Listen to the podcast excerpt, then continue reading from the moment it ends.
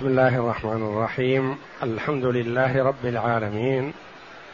والصلاة والسلام على نبينا محمد وعلى آله وصحبه أجمعين. وبعد. بسم الله. أعوذ بالله من الشيطان الرجيم.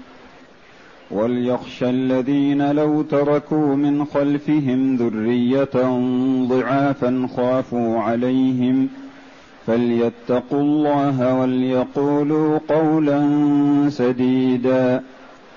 إن الذين يأكلون أموال اليتامى ظلما إنما يأكلون في بطونهم نارا. إنما يأكلون في بطونهم نارا وسيصلون سعيرا. هاتان الآيتان الكريمتان. من سورة النساء.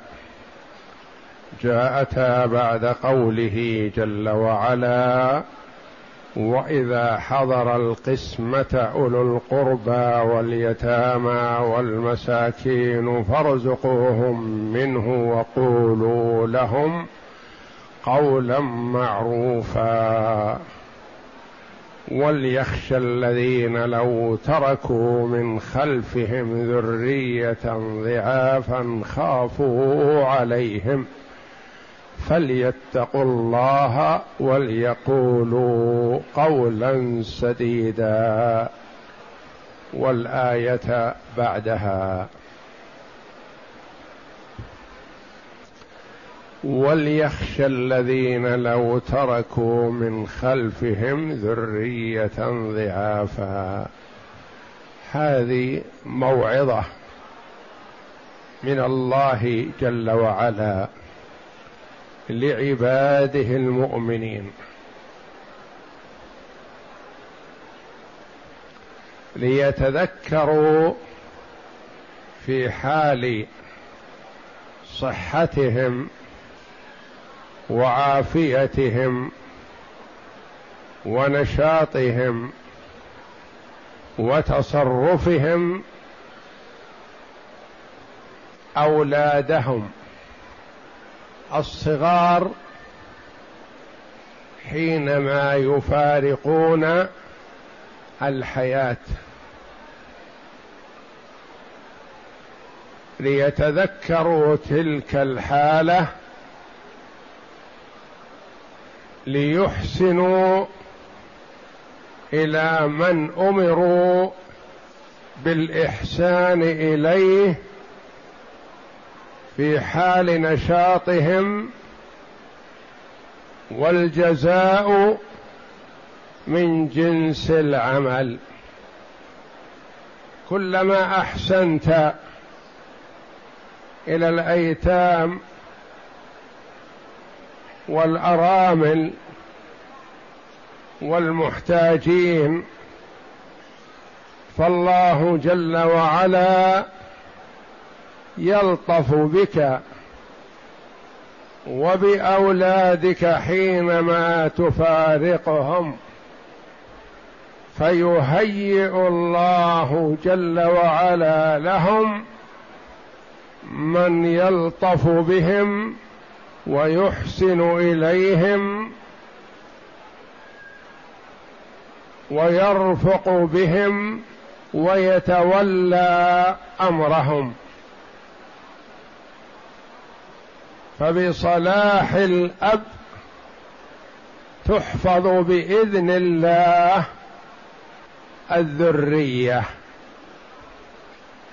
أحسن إلى الناس يهيئ الله جل وعلا من يحسن إلى ذريتك عند مفارقتك إياهم وهم في حاجة.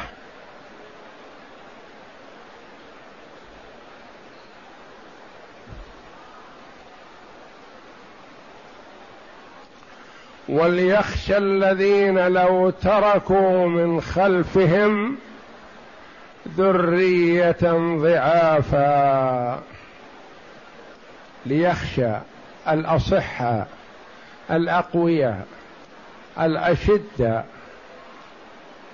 حينما يفارقون الحياة ويتركوا من بعدهم ذرية ضعافا ماذا سيكون مصيرهم؟ إن كان في حال صحته وقوته وتصرفه أساء فالإساءة محتمة على ذريته. وإن كان أحسن فالله جل وعلا يهيئ من يحسن إلى ذريته. وهذه الآية آية عظيمة. وقد اختلف المفسرون في المراد بها نصا. فقيل فيها أقوال عدة. وهذا من بلاغة القرآن وإعجاز القرآن أن الآية القصيرة تدل على معان كثيرة. يأتي من العلماء من يقول هذه الآية تدل على كذا. يقول له أحسنت. يأتي آخر يقول هذه الآية تدل على كذا. يقال له أحسنت. صح. يأتي الثالث يقول بل الآية تدل على كذا. نقول نعم نحن معك. يأتي الرابع ويقول بل الآية تدل على عكس ما يقول الثالث. تدل على كذا؟ نقول نعم نحن معك. فهي تدل على ما يقول الأول وعلى ما يقول الثاني وعلى ما يقول الثالث وعلى عكس ما يقول الثالث الذي هو الرابع.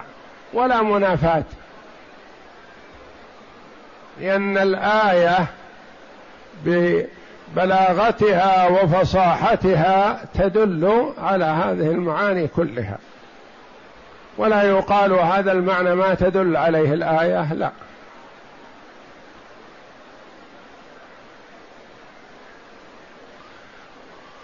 واسمع أخي ما قاله العلماء رحمهم الله.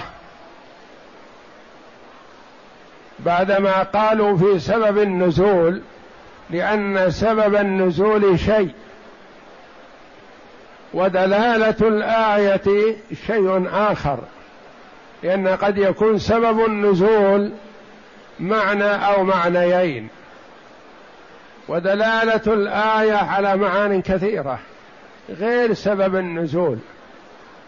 فالعبرة كما قال المفسرون بعموم اللفظ لا بخصوص السبب يعني كلها سبب لكن تدل عليه وعلى غيره كثير. قيل في سبب نزولها أن رجلا تولى مال أيتام.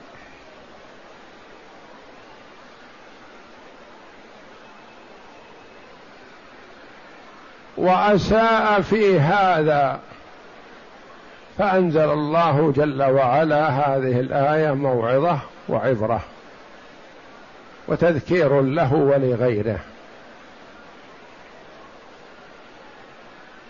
وقيل غير ذلك. وليخشى الذين لو تركوا وليخشى. شين فقط بدون ألف. والأصل يخشى فيه ألف. مجزوم هذا بحذف حرف العلة. الألف المقصورة.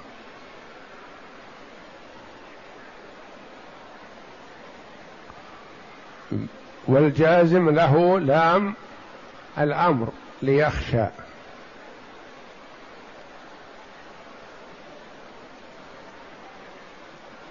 قال جمع من العلماء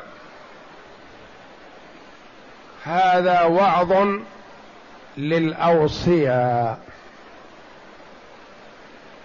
افعلوا باليتامى الذين هم في حجوركم. ما تحبون أن يفعل بأولادكم.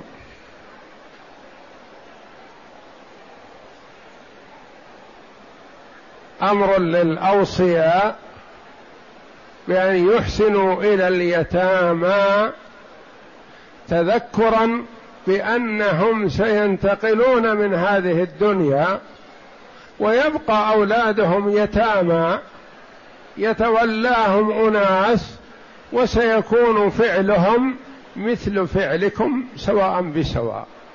إن أحسنتم أحسنوا إلى أولادكم وإن أسأتم إليهم أساءوا إلى أولادكم. فالجزاء من جنس العمل.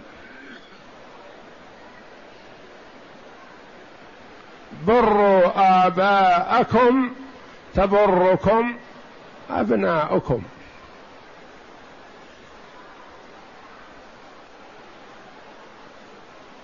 هذا قول. وليخشى الذين لو تركوا من خلفهم ذرية ضعافا خافوا عليهم فليتقوا الله. يتقوا الله في هالايتام الذين هم في حجورهم مراعاة لأيتامهم في المستقبل.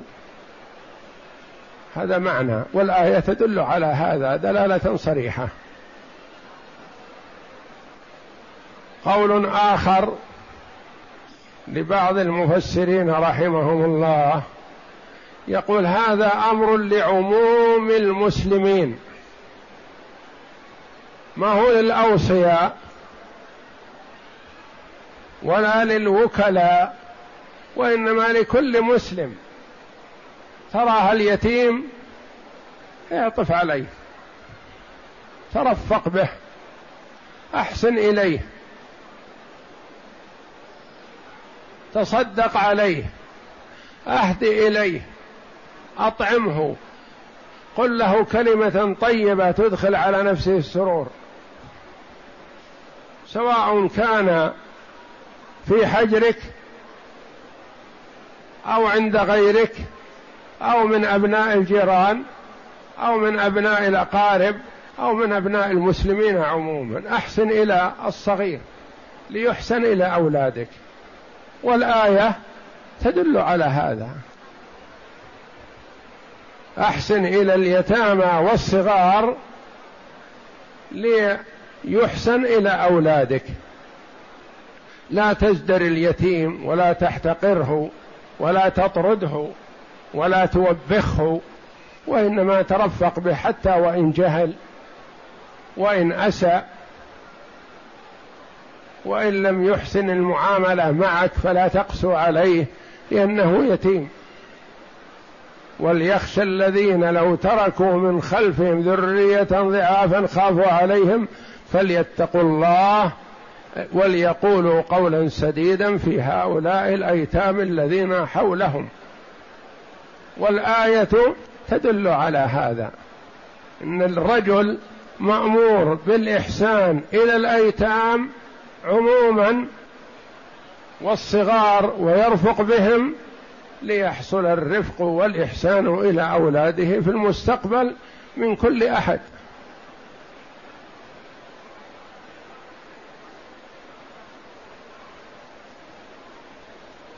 ايا كان هذا يتيم أرفق به. طالب من أبناء الجيران من أبناء الأقارب عامله أحسن معاملة. لا تعامله كغيره. هذا مكسور الخاطر. هذا ضعيف. هذا إذا أسيء إليه من يلجأ إليه؟ أبوه مات. فأنت احذر أن تسيء إليه وإنما عامله معاملة حسنة تدخل عليه السرور وتجبر خاطره. وليخشى الذين لو تركوا من خلفهم ذرية ضعافا خافوا عليهم فليتقوا الله.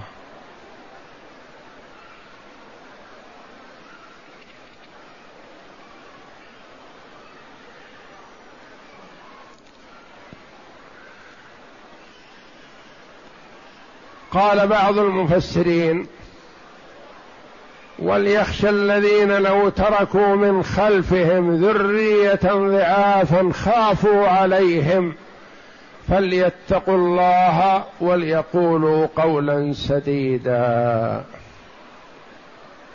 ليخشى الرجل الصحيح القوي إذا حضر عند المريض أو من هو في حال احتضار لا تقل له وص بمالك انفع نفسك أخرجه تجده أمامك. أولادك يغنيهم الله. أولادك يتولاهم الله. انفع نفسك. تصدق بأكثر مالك. لا. اتق الله في أولاده مثل ما إنك ترفق بأولادك أنت. لا توصيه بالوصية الكثيرة فيترك أولاده فقراء. ما عندهم شيء. لا. وليخشى الذين لو تركوا من خلفهم ذرية ضعافا خافوا عليهم. مثل ما إنك تخاف على أولادك وص هذا بما ينفع أولاده. ولا تقل له خرج مالك ينفعك.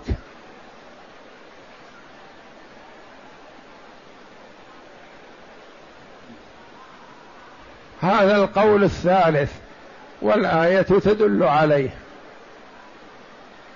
قال بعض العلماء بل المعنى العكس عكس القول الثالث. ما هو اذن يرحمكم الله؟ قال إذا حضرت المريض وعنده خير وعنده سعة لا تقل له دع المال لولدك ولا تخرج منه شيء. مره بشيء ينفعه تحللا وبراءة إن كان قد قصر في الزكاة. ينفعه هذا عند الله يتصدق. إن كان عليه شيء من الواجبات من حقوق الله تعالى ما خرجها يخرجها. لا تقل أبق مالك لولدك ولا تخرج منه شيء وله أقارب فقراء وحوله جيران فقراء. وصى على هؤلاء. والآية تدل على هذا. فتدل على من أراد أن يوصي الفقير بإخراج المال نقول أرفق به. لا تجعله يخرج جل ماله. ومن أراد من الحائب ممن هو مثلا عنده سعة وممكن أن يبقي لأولاده وممكن أن ينفع الآخرين لا تحرمه من نفع الآخرين. كلاهما حق. فلا تأمره بإخراج ماله وترك أولاده في حاجة ولا تأمره بالعكس بأن يجمع ويترك ماله كله لأولاده ولا ينفع نفسه بصدقة تنفعه عند الله. بل الأمر بالوسط. انظر حسب حاله. إن كان غني وعنده سعة وأولاده في غنى فحثه على الصدقة ولا يكثر. وإن كان يريد أن يخرج ماله طاب خاطره من ماله يريد أن يخرجه حثه على إبقاء شيء من ماله حسب حال المرء والناس يتفاوتون في هذا. جاء النبي صلى الله عليه وسلم يعود سعد بن أبي وقاص رضي الله عنه الذي كان يفتخر به النبي صلى الله عليه وسلم يقول هذا خالي فمن يأتني بخاله؟ وليس المراد أنه أخ لأمه وإنما هو من بني زهرة من أقارب أم النبي صلى الله عليه وسلم. سعد بن أبي وقاص رضي الله عنه من قريش ومن بني زهرة. أتاه يعوده صلى الله عليه وسلم عام حجة الوداع من مرض اشتد به. فاغتنم وجود النبي صلى الله عليه وسلم عنده وأراد أن يستشيره. فقال يا رسول الله إني ذو مال عندي مال كثير. ولا يرثني إلا ابنة واحدة بنت. أفأتصدق بثلثي مالي؟ قال لا. قال فالشطر يا رسول الله النصف؟ قال لا. قال فالثلث يا رسول الله؟ قال عليه الصلاة والسلام الثلث والثلث كثير. إنك أن تذر ورثتك أغنياء خير من أن تذرهم عالة يتكففون الناس. شوف يا سعد رضي الله عنه من هذا المرض. وجاهد في سبيل الله. ووجد له أولاد كثير. وورثه أناس. ونهاه النبي صلى الله عليه وسلم أن يتصدق بالثلثين ونهاه أن يتصدق بالشطر وأجاز له التصدق بالثلث وقال إنه كثير. قال العلماء لو أن الناس غضوا من الثلث إلى الربع أو الخمس لكان خير. وقال أبو بكر رضي الله عنه رضيت بما رضي الله به لنفسه. فاوصى أبو بكر بالخمس.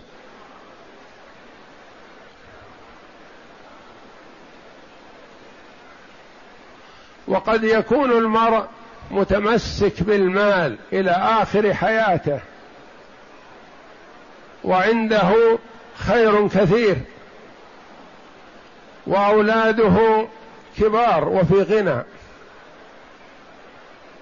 فذكره لا يحرم نفسه. إن الله تصدق عليكم عند وفاتكم بثلث أموالكم زيادة في حسناتكم. ويحلل به نفسه ويوفي ديونه. صدقة من الله.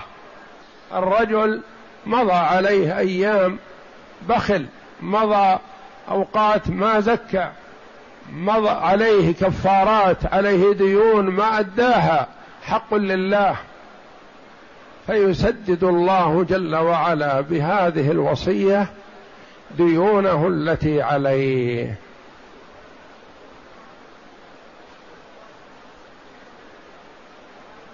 والآية تدل على هذا.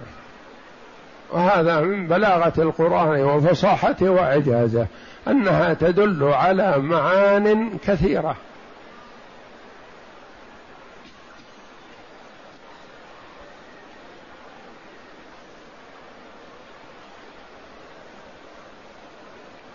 فليتقوا الله ليجعل تقوى الله نصب عينيه. لا يتكلم بكلام ينظر إلى هوى المريض فيسير معه. أو ينظر إلى هوى من حضر من الورثة فيسير معه. أو ينظر إلى هوى من حضر من الأقارب غير الورثة فيسير معهم. ليتق الله ولينظر في المصلحة التي ينتفع بها المريض وينتفع بها الوارث وينتفع بها الفقير غير الوارث ما يحرم من فضل الله جل وعلا. إن أراد أن يجحف في الوصية ويزيد فيرده. وإن أراد أن يمتنع عن الوصية بخلا بالمال فينشطه ويجعله يوصي بشيء ينفعه عند الله جل وعلا.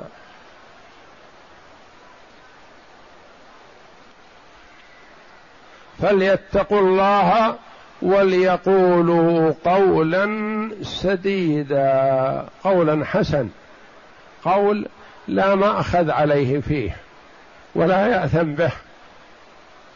إن الرجل لا يتكلم بالكلمة من رضوان الله لا يظن أن تبلغ ما بلغت يكتب الله جل وعلا بها رضاه له إلى يوم يلقاه.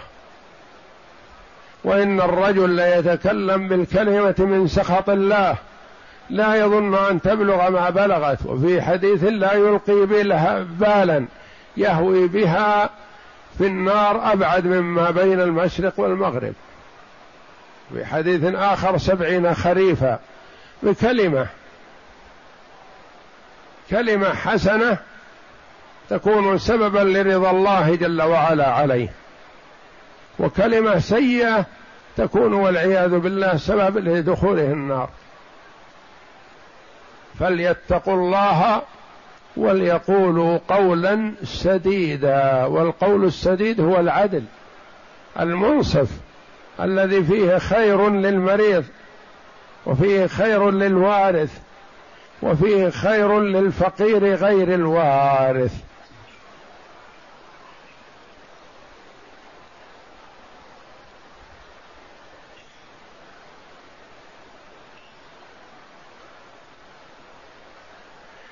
إن الذين يأكلون أموال اليتامى ظلما. إنما يأكلون في بطونهم نارا وسيصلون سعيرا. تحذير من الله جل وعلا للعباد. والآيات في التحذير من مال اليتيم كثيرة. وكذلك الأحاديث النبوية الصحيحة. والنبي صلى الله عليه وسلم عد أكل مال اليتيم من السبع الموبقات المهلكات.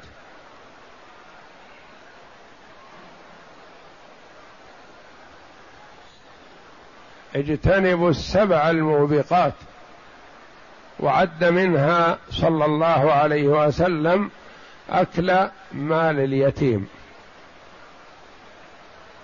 إن الذين يأكلون أموال اليتامى ظلما إنما يأكلون في بطونهم نارا.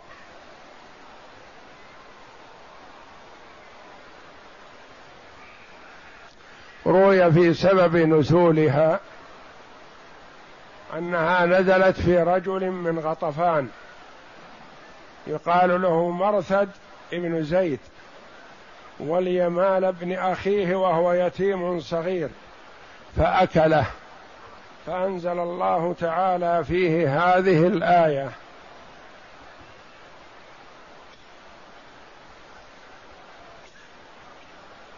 وقال ابن زيد رحمه الله نزلت في الكفار الذين كانوا لا يورثون النساء والصغار.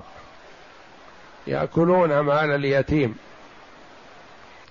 إن الذين يأكلون أموال اليتامى ظلما وعبر بالأكل وإن كان استيلاء على مال اليتيم للأكل أو غير الأكل مثل من يأخذ منه أرض أو فراش أو غير ذلك مما لا يطعم هذا يعتبر أكل حتى وإن كان لا يؤكل. وعبر بالأكل تنفير لأن هذا من الجشع أنه يريد أن يأكل مال اليتيم ليملأ بطنه. فعوقب بأن ما يأكله من مال اليتيم يكون عليه يوم القيامة نار. وجاء أن آكل مال اليتيم يبعث يوم القيامة ولهب النار يخرج من فيه وعينيه وأنفه وأذنيه والعياذ بالله. فضيحة له. يعني بطنه مليان نار ويخرج مع المنافذ. أثر النار.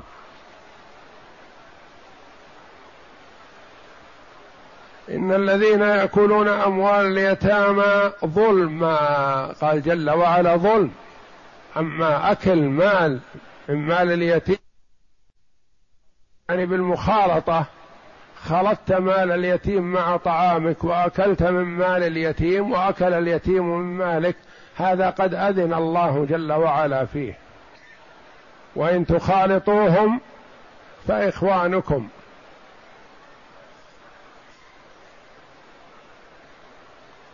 أو مقابل عمل تأكل من مال اليتيم مقابل عملك لمصلحته.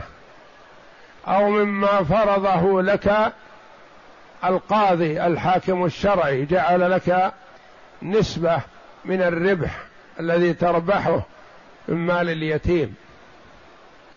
هذا ليس بظلم. أكل من مال اليتيم لكنه مأذون فيه. إن الذين يأكلون أموال اليتامى ظلما إنما يأكلون في بطونهم نارا. وجاء الوعيد الشديد في الحديث بمن يأكل مال اليتيم وما أخبر به النبي صلى الله عليه وسلم أنه رأى ليلة أسري به أناس لهم مشافر كمشافر الإبل. وهناك أناس يلقمونهم حجر من نار ثم يخرج من دبره ثم يعود فيلقم إياه وهكذا. فضيحة لهم والعياذ بالله لأنهم أكلوا مال اليتيم.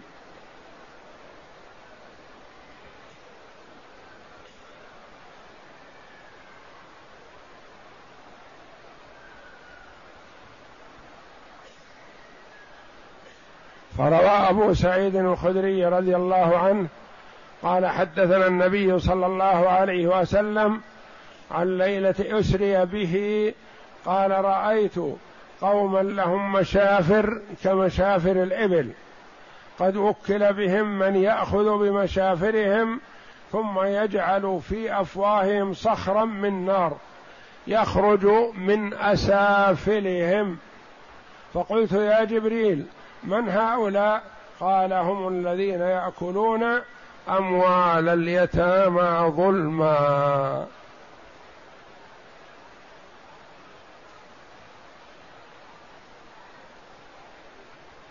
إنما يأكلون في بطونهم نار وسيصلون سعيرا. وسيصلون سعيرا. هذه القراءة المشهورة. وفي قراءة وسيصلون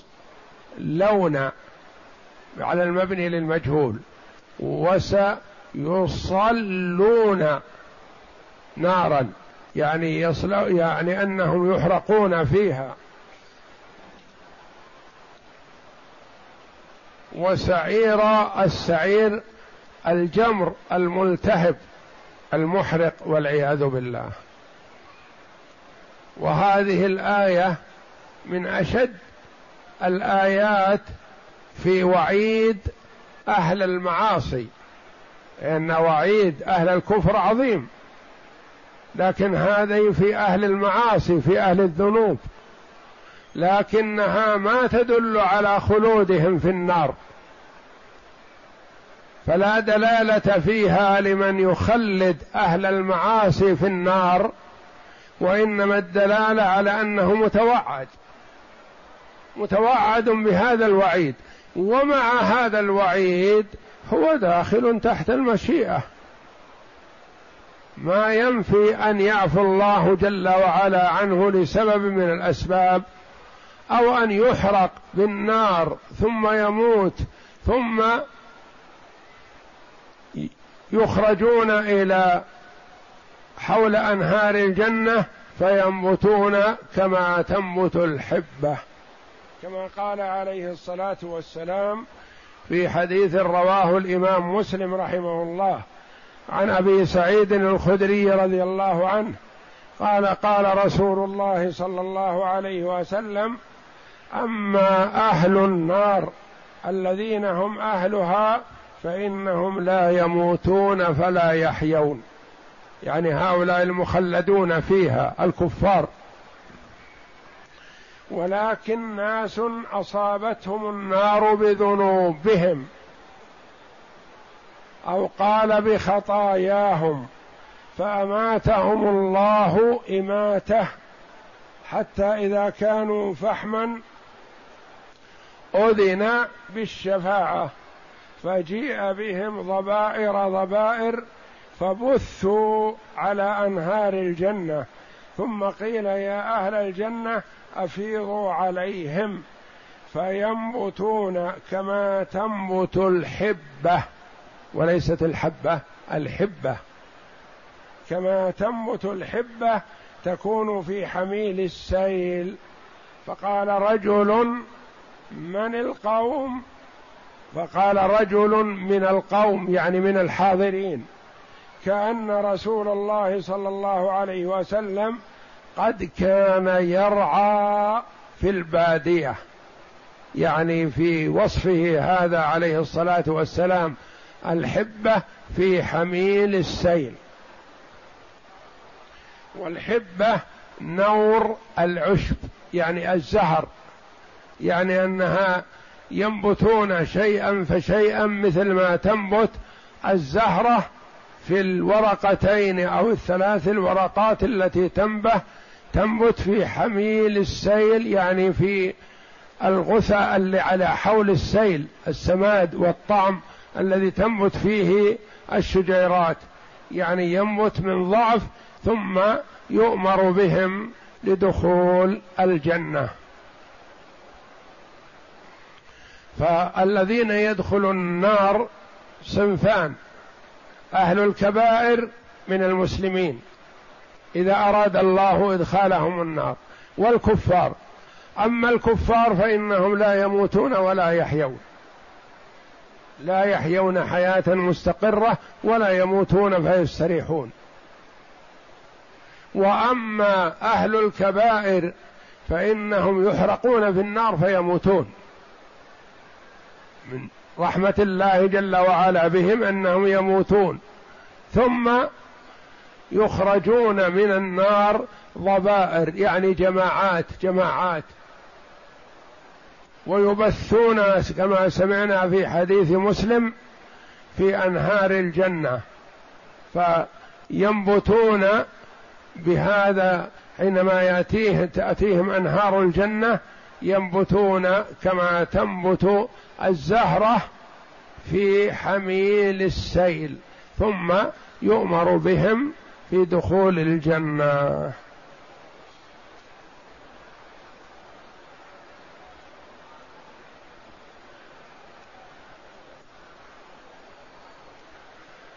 ففي هذه الآية الكريمة تحذير من الله جل وعلا لعباده عن أكل مال اليتيم ظلما. والله أعلم. نعم. اقرأ. وقوله تعالى وليخشى الذين لو تركوا من خلفهم الآية. قال ابن عباس رضي الله عنهما هذا في الرجل يحضره الموت فيسمعه رجل يوصي بوصية تضر بورثته. فأمر الله تعالى الذي يسمعه أن يتقي الله ويوفقه ويسدده للصواب فينظر لورثته كما كان يحب أن يصنع, أن يصنع بورثته إذا خشي عليهم الضيعة. وهكذا قال مجاهد غير واحد.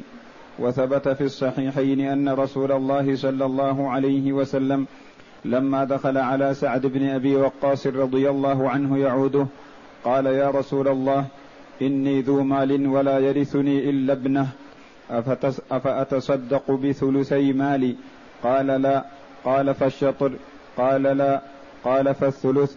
قال الثلث والثلث كثير. ثم قال رسول الله صلى الله عليه وسلم إنك أن تذر ورثتك أغنياء خير من أن تذرهم عالة يتكففون الناس.